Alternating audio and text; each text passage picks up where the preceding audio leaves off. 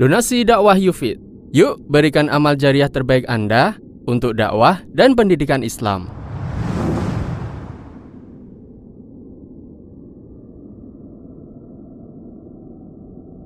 Bismillahirrahmanirrahim. Assalamualaikum warahmatullahi wabarakatuh. Alhamdulillahi alamin.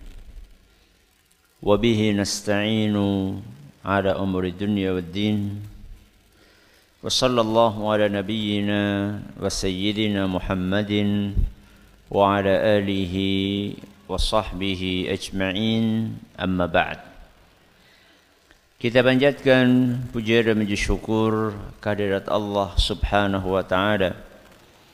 Pada kesempatan malam yang berbahagia kali ini tanggal 6 Jumadal Ula 1440 Hijriah atau yang bertepatan dengan tanggal 11 Januari 2019 kita masih kembali diberi kekuatan, kesehatan, hidayah serta taufik dari Allah Jalla wa Ala.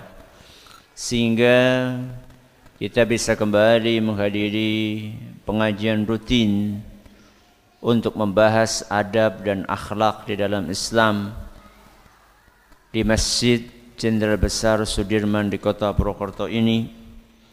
Kita berharap semoga Allah Subhanahu wa taala berkenan untuk melimpahkan kepada kita semuanya ilmu yang bermanfaat sehingga bisa kita amalkan sebagai bekal untuk menghadap kepada Allah Jalla wa Ala. Amin. Salam dan salam semoga senantiasa tercurahkan kepada junjungan kita Nabi besar Muhammad sallallahu alaihi wasallam kepada keluarganya, sahabatnya dan umatnya yang setia mengikuti tuntunannya hingga di akhir nanti. Para hadirin dan hadirat sekalian yang kami hormati dan juga segenap pendengar dari Insani 88.8 FM di Purbalingga, Purwokerto, Banyumas, Banjarnegara, Cilacap, Wonosobo dan sekitarnya serta para pemirsa Yufi TV, Surau TV dan Niaga TV yang mudah-mudahan senantiasa dirahmati oleh Allah Azza wa Jal. Alhamdulillah pada pertemuan yang lalu kita telah menyelesaikan pembahasan tentang hadis nomor 28 sehingga malam hari ini insya Allah kita akan mengkaji hadis nomor 29 yang dibawakan oleh Imam Ibn Hajar Al-Asqalani dalam kitab beliau Bulughul Maram. Lebih spesifik lagi dalam Kitabul Jami' Hadis nomor 29 berbunyi wa an Abi Mas'udin radhiyallahu anhu qala dari seorang sahabat Nabi SAW yaitu Abu Mas'ud. Siapa? Abu Mas'ud. Semoga Allah meridai beliau. Qala Rasulullah SAW, Rasulullah sallallahu alaihi wasallam bersabda, "Man dalla ala khairin falahu mithlu ajri fa'ilihi." Barang siapa yang mengajarkan kebaikan maka dia akan mendapatkan pahala seperti orang yang mengamalkannya. Apa hadisnya? Barang siapa mengajarkan kebaikan maka dia akan mendapatkan pahala seperti orang yang mengamalkannya rawahu muslim hadis riwayat Muslim. Hadis ini diriwayatkan oleh sahabat Nabi SAW Abu Mas'ud. Ada dua nama yang sering kebolak-balik. Ada Abu Mas'ud, ada Ibnu Mas'ud. Ini dua orang yang berbeda. Wong dari redaksinya saja sudah ketahuan Abu Mas'ud. Ramane Mas'ud. Ibnu Mas'ud anake Mas'ud. Masa ramane karo anake pada? Ya ora mungkin. Ya. Lagi pula Mas'ud yang di sana bukan Mas'ud yang di sini Mas'ud yang jadi ayahnya Ibnu Mas'ud itu bukan anaknya Abu Mas'ud. Ya. Dua orang sahabat ini SAW berbeda. Mas'ud yang di sana bukan Mas'ud yang di sini. Kebetulan saja namanya sama. Ya, yang namanya Joko kan banyak. Ya, apa kudu Joko pada? Ya, Abu Joko sama Ibnu Joko. Joko yang di sini beda sama Joko yang di sana. Ya. Ibnu Mas'ud Ibnu Mas'ud itu namanya Abdullah. Namanya Abdullah. Lengkapnya Abdullah bin Mas'ud bin Ghafil. Siapa? Abdullah bin Mas'ud bin Ghafil.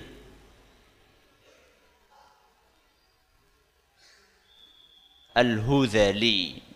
Al-Hudhali. Ini yang sering dikenal dengan nama Ibnu Mas'ud. Kalau Ibnu Mas'ud ini dari golongan muhajirin apa ansar? Muhajirin atau ansar? Muhajirin. Tinggalnya di Mekah. Itu Ibnu Mas'ud. Kalau Abu Mas'ud yang akan kita pelajari biografinya malam hari ini, kalau Abu Mas'ud namanya adalah Uqbah. Siapa namanya? Uqbah. Nama lengkapnya Uqbah bin Amr bin Amr bin Tha'labah. Siapa?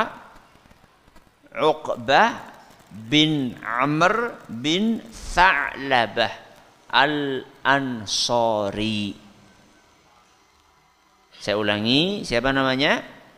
Uqbah bin Amr bin Tha'labah Al-Ansari. Langsung ketahuan Al-Ansari itu maksudnya dari golongan Ansar. Yang ini tinggal di Mekah, yang ini tinggal di Madinah. Mas'ud yang sana beda sama Mas'ud yang di sini. Ya. Coba Ibnu Mas'ud siapa namanya tadi? Abdullah bin Mas'ud bin Ghafil Al-Hudhali. Abu Mas'ud siapa namanya? Uqbah bin Amr bin Tha'labah Al-Ansari. Nah, yang akan kita belajar sekarang adalah Abu Mas'ud. Karena Ibnu Mas'ud ini sudah kita kaji biografinya di hadis yang nomor 4. Berarti kapan gue? Dua tahun yang lalu kalau nggak salah. Sekian mutan apa? Maka sekarang kita akan mengkaji biografinya Abu Mas'ud. Abu Mas'ud ini termasuk orang yang masuk Islamnya lumayan lebih dulu dibandingkan yang lainnya. Beliau masuk Islam sebelum Nabi SAW hijrah. Dari mana ke mana? Dari Mekah ke Madinah. Sehingga dikisahkan Abu Mas'ud ini termasuk yang ikut bayah akobah yang kedua. Bayat akobah yang kedua. Jadi ada bayat akobah pertama, kemudian ada bayat akobah kedua. Apa itu bayat? Bayat itu adalah ungkapan janji setia. Ini pernah kami bahas dalam kajian fikih sirah Nabi SAW khusus tentang bayat akobah. Silahkan nanti dirujuk kembali di sana. Serombongan orang dari Madinah datang menemui Nabi kita Muhammad Sallallahu Alaihi Wasallam di tempat namanya Akobah. Makanya dinamakan bayat Akobah, yaitu bayat yang diadakan di tempat namanya Akobah. Salah satu yang ikut ini adalah Abu Mas'ud. Dan Abu Mas'ud saat itu termasuk yang paling muda. Masih kecil, masih anak-anak. Seumuran saat itu dengan sahabat yang lain yang bernama Jabir bin Abdullah. Ini dua orang ini Abu Mas'ud sama siapa? Jabir bin Abdullah sepantaran. Dan dua-duanya sama-sama hadir bayat akobah yang kedua. Dan dua-duanya sama-sama penduduk Madinah. Ini kisah Islamnya Abu Mas'ud. Setelah masuk Islam, Abu Mas'ud ini rajin sekali untuk belajar agama. Bukan hanya dalam momen-momen yang resmi seperti ini. Momen resmi seperti ini maksudnya itu adalah hadir, hadir pengajian, bukan hanya seperti itu saja. Ini umum, hadir pengajian seperti ini umum. Ya. Nabi SAW mengisi pengajian di masjid, para sahabat pada datang, umum. Nabi SAW khutbah Jumat, para sahabat hadir Jumatan di sini, umum. Bukan hanya di majelis-majelis yang sifatnya umum. Abu Mas'ud ini mengejar ilmu Nabi SAW dalam setiap kesempatan. Bahkan ketika Nabi SAW hadir menghadiri sebuah majelis, para sahabat lagi duduk-duduk, kemudian Nabi SAW menemui mereka, ngobrol sama mereka, itu pun dimanfaatkan oleh Abu Mas'ud untuk mengambil ilmu dari Nabi SAW. Ada sebuah kejadian Nabi SAW bertemu dengan sahabat yang lain kemudian beliau menyampaikan ilmu. Abu Mas'ud berusaha untuk mencerna ilmu tersebut. Setelah beliau cerna kemudian beliau nukilkan kepada umat. Makanya lumayan hadis beliau ada 102 hadis. 102 hadis yang beliau nukilkan buat kita. Salah satunya apa yang beliau kisahkan di dalam Sahih Muslim kata beliau atana Rasulullah sallallahu alaihi wasallam wa nahnu fi majlisi Sa'ad ibn Ubadah. Pada suatu hari Rasulullah sallallahu alaihi wasallam mendatangi kami yaitu para sahabat saat kami sedang duduk-duduk di majelisnya Sa'ad bin Ubadah. Salah satu sahabat Rasul SAW. Ketika Nabi SAW datang, maka kesempatan itu dimanfaatkan oleh orang yang ada di situ untuk menimba ilmu dari Nabi SAW. Maka ini pelajaran buat kita.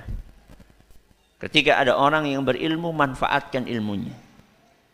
Manfaatkan ilmunya. Akan tetapi juga lihat waktu waktu. Kalau sudah capek banget ya jangan diajak ngobrol terus. Ya. Ada sebagian orang itu saking semangatnya, saking semangatnya ulama ini tidak dikasih kesempatan untuk istirahat. Ya. Pernah ada cerita intermezzo seorang ustadz ngisi pengajian di sebuah daerah. Kemudian dari daerah itu dia ngisi lagi di daerah lain yang jaraknya sekitar dua jam atau tiga jam. Diantar pakai apa? Mobil. Dan kebetulan jadwalnya itu begitu sampai ke tempat tujuan yang kedua langsung ngisi. Misalnya ya, misalnya Pengajiannya itu di tempat yang pertama jam 9 sampai duhur. Sedangkan di tempat yang kedua habis asar. Perjalanan dari tempat pertama ke dua berapa jam? Dua sampai tiga jam. Kan pas kan? Ya. Ustadznya itu penginnya selama perjalanan dua setengah jam ini ngapain? Ya tidurlah. Istirahat. Kan habis ngisi. Jam 9 sampai duhur. Berapa jam? Tiga jam. Ya. Ini kan baterainya mulai ngedrop. Perlu dia apa? Perlu dicas. Lo mau di cas sudah makan, orang kur mangan tok. Butuh apa? Rehat. Ini yang nganter ini betul-betul memanfaatkan kesempatan itu. Tanya terus sebanyak tiga jam. Gak ngelihat ustadznya sudah bolak-balik apa? Anggap, teklak, teklo, ya. Dan itu diputer itu. Pertanyaan ini habis, pertanyaan ini. Jadi di dikawal ya, dikawal untuk memanfaatkan ilmunya Ustaz. Ya nggak sampai seperti itu. Ya. Makanya para sahabat Nabi SAW mereka tahu waktu. Ketika Nabi SAW datang ke majelis malaikat berarti Nabi SAW dalam keadaan fit. Ya. Maka salah satu di antara yang hadir di situ yang bernama Bashir bin Sa'ad bertanya kepada Nabi SAW.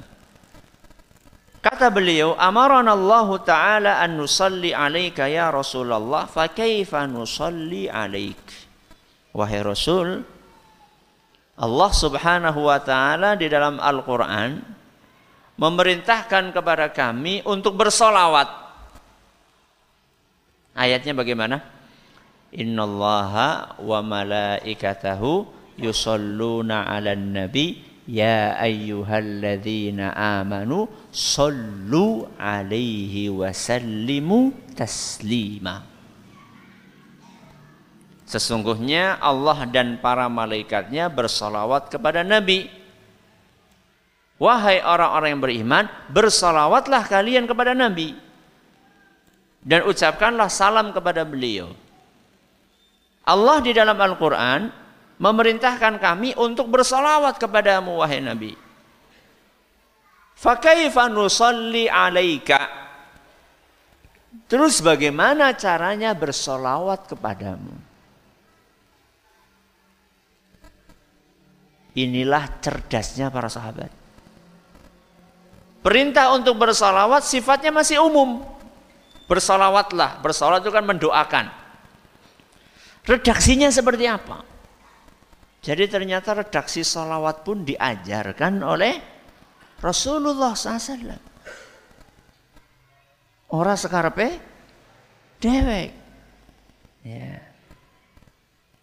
Maka para sahabat pun bertanya kepada Nabi Shallallahu Alaihi Wasallam, wahai Rasul, bagaimana cara bersalawat kepadamu? Allah memerintahkan dalam Al-Quran supaya kami mengucapkan membaca salawat. Terus bagaimana caranya? Begitu mendapatkan pertanyaan seperti itu, sakata Rasulullah SAW hatta tamannina annahu lam yas'alhu. Begitu mendapatkan pertanyaan seperti itu, Nabi SAW diam. Saking lamanya diam beliau, sampai kami itu berangan-angan andaikan dia tidak nanya Nabi SAW masalah ini. Ngapain? Nanya. Mereka khawatir jangan-jangan Nabi SAW marah. Diam. Nabi SAW diam. Gak jawab. Buktinya diamnya lama adalah ungkapan hati para sahabat yang mengatakan, ini rosa takon gitu. Nabi jadi diam. Ternyata Nabi SAW diam karena menunggu wahyu. Menunggu wahyu. Tidak asal menjawab. Jadi kalau Ustadz ditanya lewat SMS, orang dijawab-jawab. Ya. bukan nunggu wahyu. Lagi sinau. Nyari jawabannya. Ada sebagian orang subhanallah. WA. Ya. Ustadz tanya gini-gini. Kan biasanya begitu dibaca itu kan ada tandanya. Tanda biru dua. Sudah dibaca. Paling jarak berapa jam? Ya. Tahu-tahu WA lagi. Rugi saya WA Ustadz cuma dibaca tok. Subhanallah. Emang Ustadz itu nggak perlu belajar? Ini pertanyaan mungkin sulit. Atau mungkin bisa dijawab, akan tetapi lagi ada kesibukan yang lain yang lebih penting. Ya. Belajarlah untuk beretika. Belajarlah untuk beradab. Ya. Dari cara bertanya pun juga harus beradab. Ustadz tanya tanda keras empat. Tanda suruh empat. Ustadz tanya tok tok tok. Kira takon apa rep kesuh ke wong. Ya. Latihanlah beretika. Ya. Apa yang saya sampaikan ini bukan dongeng, ini kisah nyata. Ya. Saya ngalami masalahnya. Sudah lama diam. Ternyata Nabi SAW diamnya itu karena nunggu wahyu. Nah, ketika datang wahyu, baru Nabi SAW bersabda, Kulu. Kalau kalian mau bersolawat, bacalah Allahumma salli ala Muhammad وعلى آل محمد كما صليت على آل إبراهيم. وبارك على محمد وعلى آل محمد كما باركت على آل إبراهيم في العالمين إنك حميد مجيد. Hadis sahih riwayat Muslim. Ini yang biasa diistilahkan dengan solawat Ibrahimiyah. Ustaz kok ada beda-beda dikit? Iya, ada beberapa perbedaan dalam riwayat-riwayatnya. Ada yang kita hafal seperti redaksi yang Allahumma salli ala Muhammad wa ala ali Muhammad kama salli ta'ala Ibrahim wa ala ali Ibrahim innaka Hamidum Majid. Allahumma barik ala Muhammad wa ala ali Muhammad kama barakta ala Ibrahim wa ala ali Ibrahim innaka Hamidum Majid. Ini salah satu redaksi. Tapi intinya adalah salawat ini di dalamnya ada namanya siapa? Nabi Ibrahim. Makanya diistilahkan dengan salawat Ibrahimiyah. Kata para ulama, solawat Ibrahimiyah, solawat yang paling afdol dari seluruh solawat yang ada. Pada apal? Jembok nang tahiyat. Betul ya? Nah kalau apal berarti orang macam tahiyat ki. Iya kan? Dalam tasyahud kan ada. Makanya saya heran dengan jadi udah solawat Angel banget solawatin. Loh kepriwe sih? Wong solawat. Kita sudah hafal luar kepala kok. Kenapa pusing-pusing? Ini loh solawat dari Nabi Muhammad Sallallahu Alaihi Wasallam. Ini contoh bagaimana Abu Mas'ud memanfaatkan momen untuk mengambil ilmu dari Nabi kita Muhammad Sallallahu Alaihi Wasallam. Contoh yang lain, Diceritakan oleh Abu Mas'ud radhiyallahu anhu, ini kesempatan Nabi SAW ada kejadian dan ilmunya diambil sama beliau, sama Ibnu Mas'ud. Kata Abu Mas eh, maaf, Pak Ibnu Mas'ud. Siapa? Abu Mas'ud. Kata Abu Mas'ud, Ja'a rajulun ila Nabi sallallahu alaihi wasallam. Pada suatu hari ada seorang datang menemui Nabi kita Muhammad sallallahu alaihi wasallam seraya berkata ini ubdi'a li inni ubdi'a bi fahmilni wahai rasul tungganganku mati. Kendaraanku mati. Maksudnya tunggangannya mati, dia nggak punya tunggangan. Apakah saya boleh membonceng kamu, wahai Nabi SAW? Maka Nabi SAW mengatakan, Ma'indi.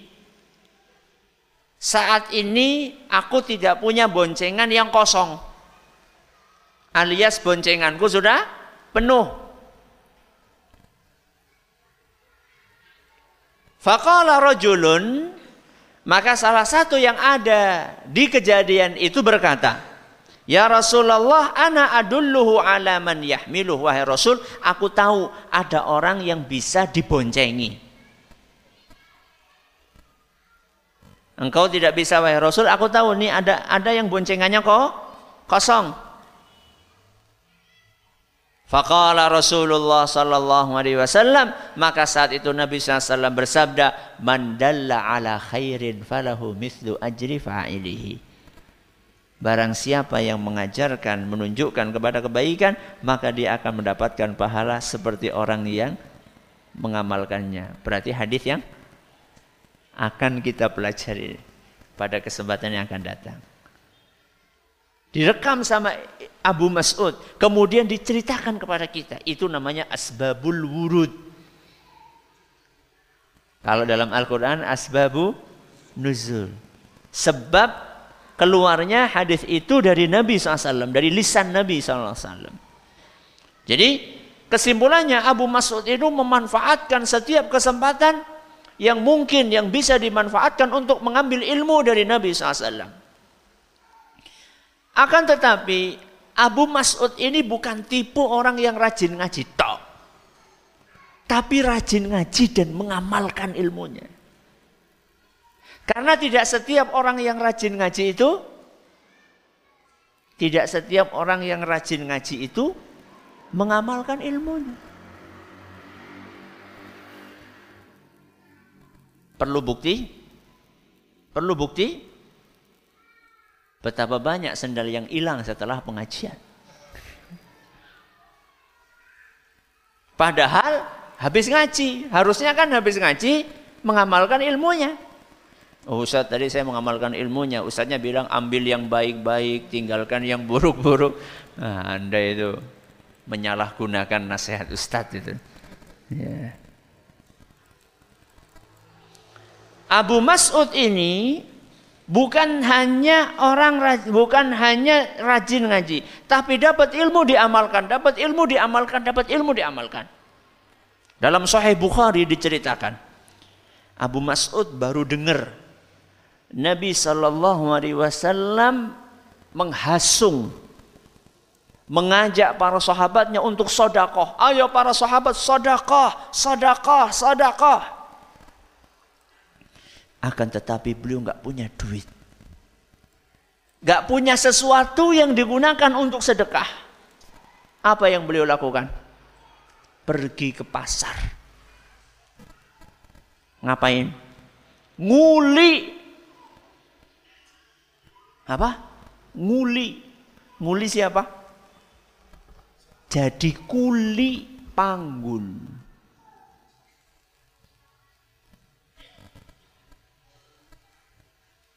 Setelah dapat upah, upahnya itu buat sedekah. Jajal angkat tangan sehingga ya gue. Ustadz, ayo jamaah sedekah orang duit duit Ustadz. Yang golet. Yang lihat gue mangan dewek Ustaz. Ini loh contohnya siapa? Abu Mas'ud radhiyallahu anhu. Tidak menyerah dengan keadaan. Ya. Bahkan ada di antara kita, akeh duit akeh, tapi yang mana iman? Ya. Bagi orang cicilan kia, cicilan kia, cicilan kia, cicilan kia. Gue ya cukup gue cicilan. Wah nanti gimana ini saatnya anak saya sekolah, saatnya istri saya minta pulsa. Banyak sekali dokter. Sodakoh, sodakoh. Ketika tidak ada sesuatu yang disedekahkan, bekerja. Walaupun harus jadi kuli panggul. Itu yang dilakukan sama Abu Mas'ud radhiyallahu anhu. Makanya saya katakan tadi, Abu Mas'ud itu bukan tipe orang yang cuma ngaji. Akan tetapi beliau adalah tipe orang yang ngaji dan mengamalkan ilmunya. Contoh yang lain, bagaimana Abu Mas'ud itu mengamalkan ilmunya. Beliau adalah tipe orang yang mudah menerima nasihat. Apa?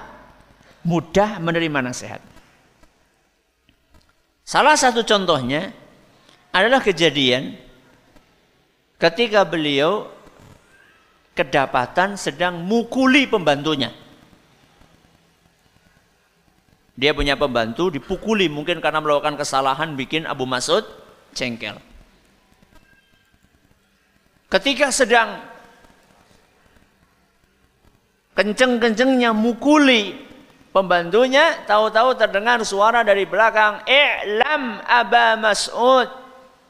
Abu Mas'ud sadar. Kata Abu Mas'ud, Aku tidak tahu itu suaranya siapa. Karena aku sedang konsentrasi untuk mukuli pembantuku ini. Dan ungkapan itu diulang-ulang. Bu Mas'ud sadar, sadar. Ketika suara itu semakin dekat baru aku sadar bahwa itu adalah suara Nabi Muhammad sallallahu alaihi wasallam.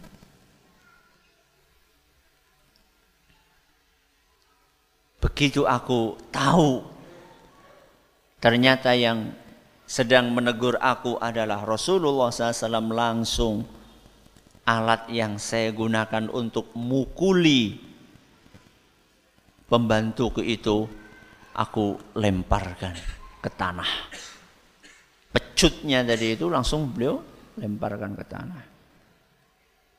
Ketika Nabi SAW melihat Abu Mas'ud sudah mulai bisa diajak bicara. Kalau tadi belum bisa diajak bicara, karena dia nggak dengerin suaranya jadi dia nggak tahu ini suara siapa. Maka Nabi SAW pun bersabda, "I'lam Aba Mas'ud, sadarlah wahai Abu Mas'ud. Annallaha aqdaru alaika minka ala hadzal ghulam. Kamu mampu menghukum pembantumu ini. Ingat Allah lebih mampu untuk menghukummu dibandingkan kemampuanmu untuk menghukum pembantumu diingatkan dengan hukumannya siapa Allah hanya dengan kalimat seperti itu, apa kata Abu Mas'ud? La adribu mamlukan ba'dahu abada. Setelah kejadian itu, aku tidak lagi pernah memukul pembantuku selama-lamanya. Orang dibaleni babar belas. Sahih Muslim. Ini loh gampang menerima nasihat. Jadilah manusia yang mudah menerima nasihat. Jangan ketika kita dinasihati sama orang lain, jawabannya nyong wis kawit mien kayak gie. Kok gelem jadikan caku ya? Ayo ora ya wis lunga. Ini apa ini? Ya. Jadilah orang yang mudah, yang hatinya halus, lembut, mudah menerima nasihat. Seharusnya kalau kita dikasih nasihat, apa kata? Jazakumullah khairan. Orang kur jazakumullah khairan tok tapi terus baik. Bukan. Jazakumullah khairan. Sudah dinasehati. Insya Allah saya tidak akan ngulangi. Gitu. Ya. Kalau memang belum bisa untuk menjalani nasihat, sampaikan. Iya, saya memang belum bisa. Itu kekurangan saya. Aja malah kayak wong nan nan nantang. Ini tipenya siapa tadi? Abu Mas'ud. Beliau mengamalkan ilmunya. Beliau tahu bagaimana pahala mengunjungi orang yang sakit. Maka begitu mendengar ada salah seorang sahabat Nabi SAW yang sakit dan sakitnya parah, namanya Hudzaifah. Siapa? Hudzaifah. Lengkapnya Hudzaifah bin Al-Yaman radhiyallahu anhu. Begitu dengar Hudzaifah sakit, beliau langsung datang untuk membesuk Hudzaifah. Sampai ketemu memeluk Hudzaifah, menghibur Hudzaifah. Dan saat itu Abu Mas'ud beserta dengan beberapa sahabat yang lain. Begitu sampai maka Hudzaifah pun bertanya. Pertanyaannya apa? Hal ji'tum bi akfani Apakah kalian datang membawa kain kafan? Apakah kalian sudah menyiapkan kain kafan untukku? Maka mereka pun mengatakan, "Na'am." Ya, kami sudah siapkan kain kafan.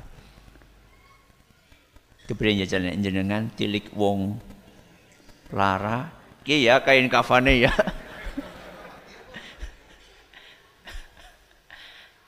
Para sahabat Nabi SAW malah nanya, ini kain kafannya sudah siap atau belum?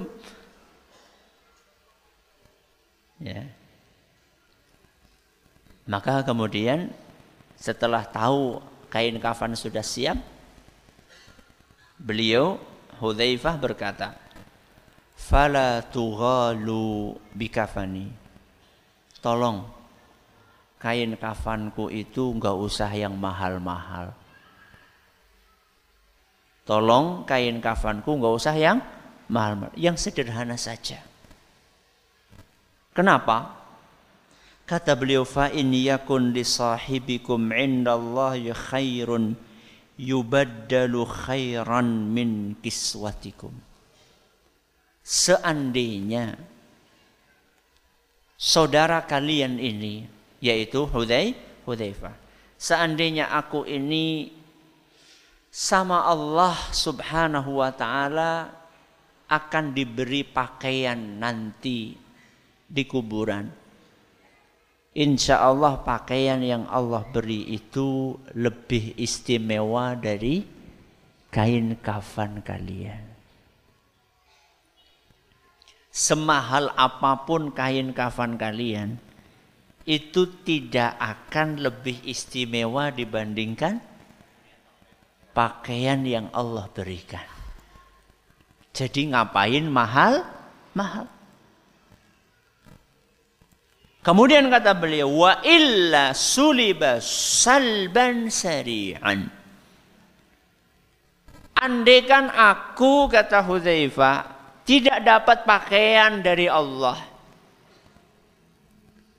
maka ngapain kafan mahal-mahal? Toh juga kain tersebut bakalan bakalan cepet rusak. Itulah pola pikir yang simple ada sebagian orang bukan hanya kain kafannya yang mahal. Malah kalau perlu pakai jas yang paling gres jahit anyar Arab wis mati mana? Bukan Arab mati. Datang jahit. Ya. Kemudian peti. Ya. Dari kayu. Kayu apa?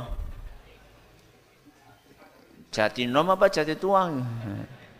Jati yang termahal. Buat apa? Uang sekian juta itu buat apa?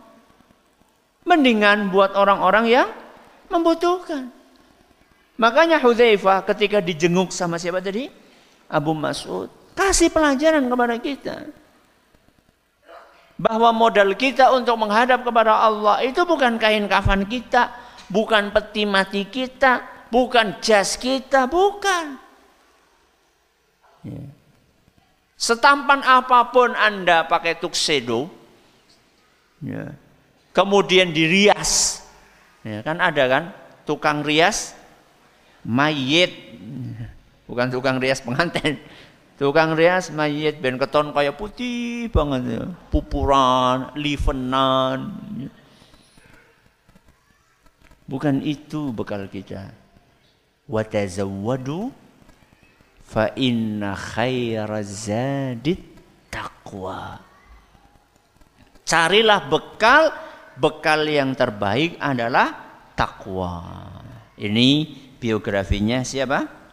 Abu Mas'ud radhiyallahu anhu dan insya Allah pada pertemuan yang akan datang kita akan mulai mengkaji hadis yang beliau bawakan yaitu hadis yang berbunyi man dalla ala khairin falahu mithlu ajri fa'ilihi barang siapa yang mengajarkan kebaikan maka dia akan mendapatkan pahala seperti orang yang mengamalkannya. Wallahu taala a'la wa alam. Terima kasih atas perhatiannya. Mohon atas segala kurangnya kita tutup dengan membaca subhanakallahumma wa bihamdika asyhadu an la ilaha illa anta astaghfiruka wa atubu ilaik. Assalamualaikum warahmatullahi wabarakatuh.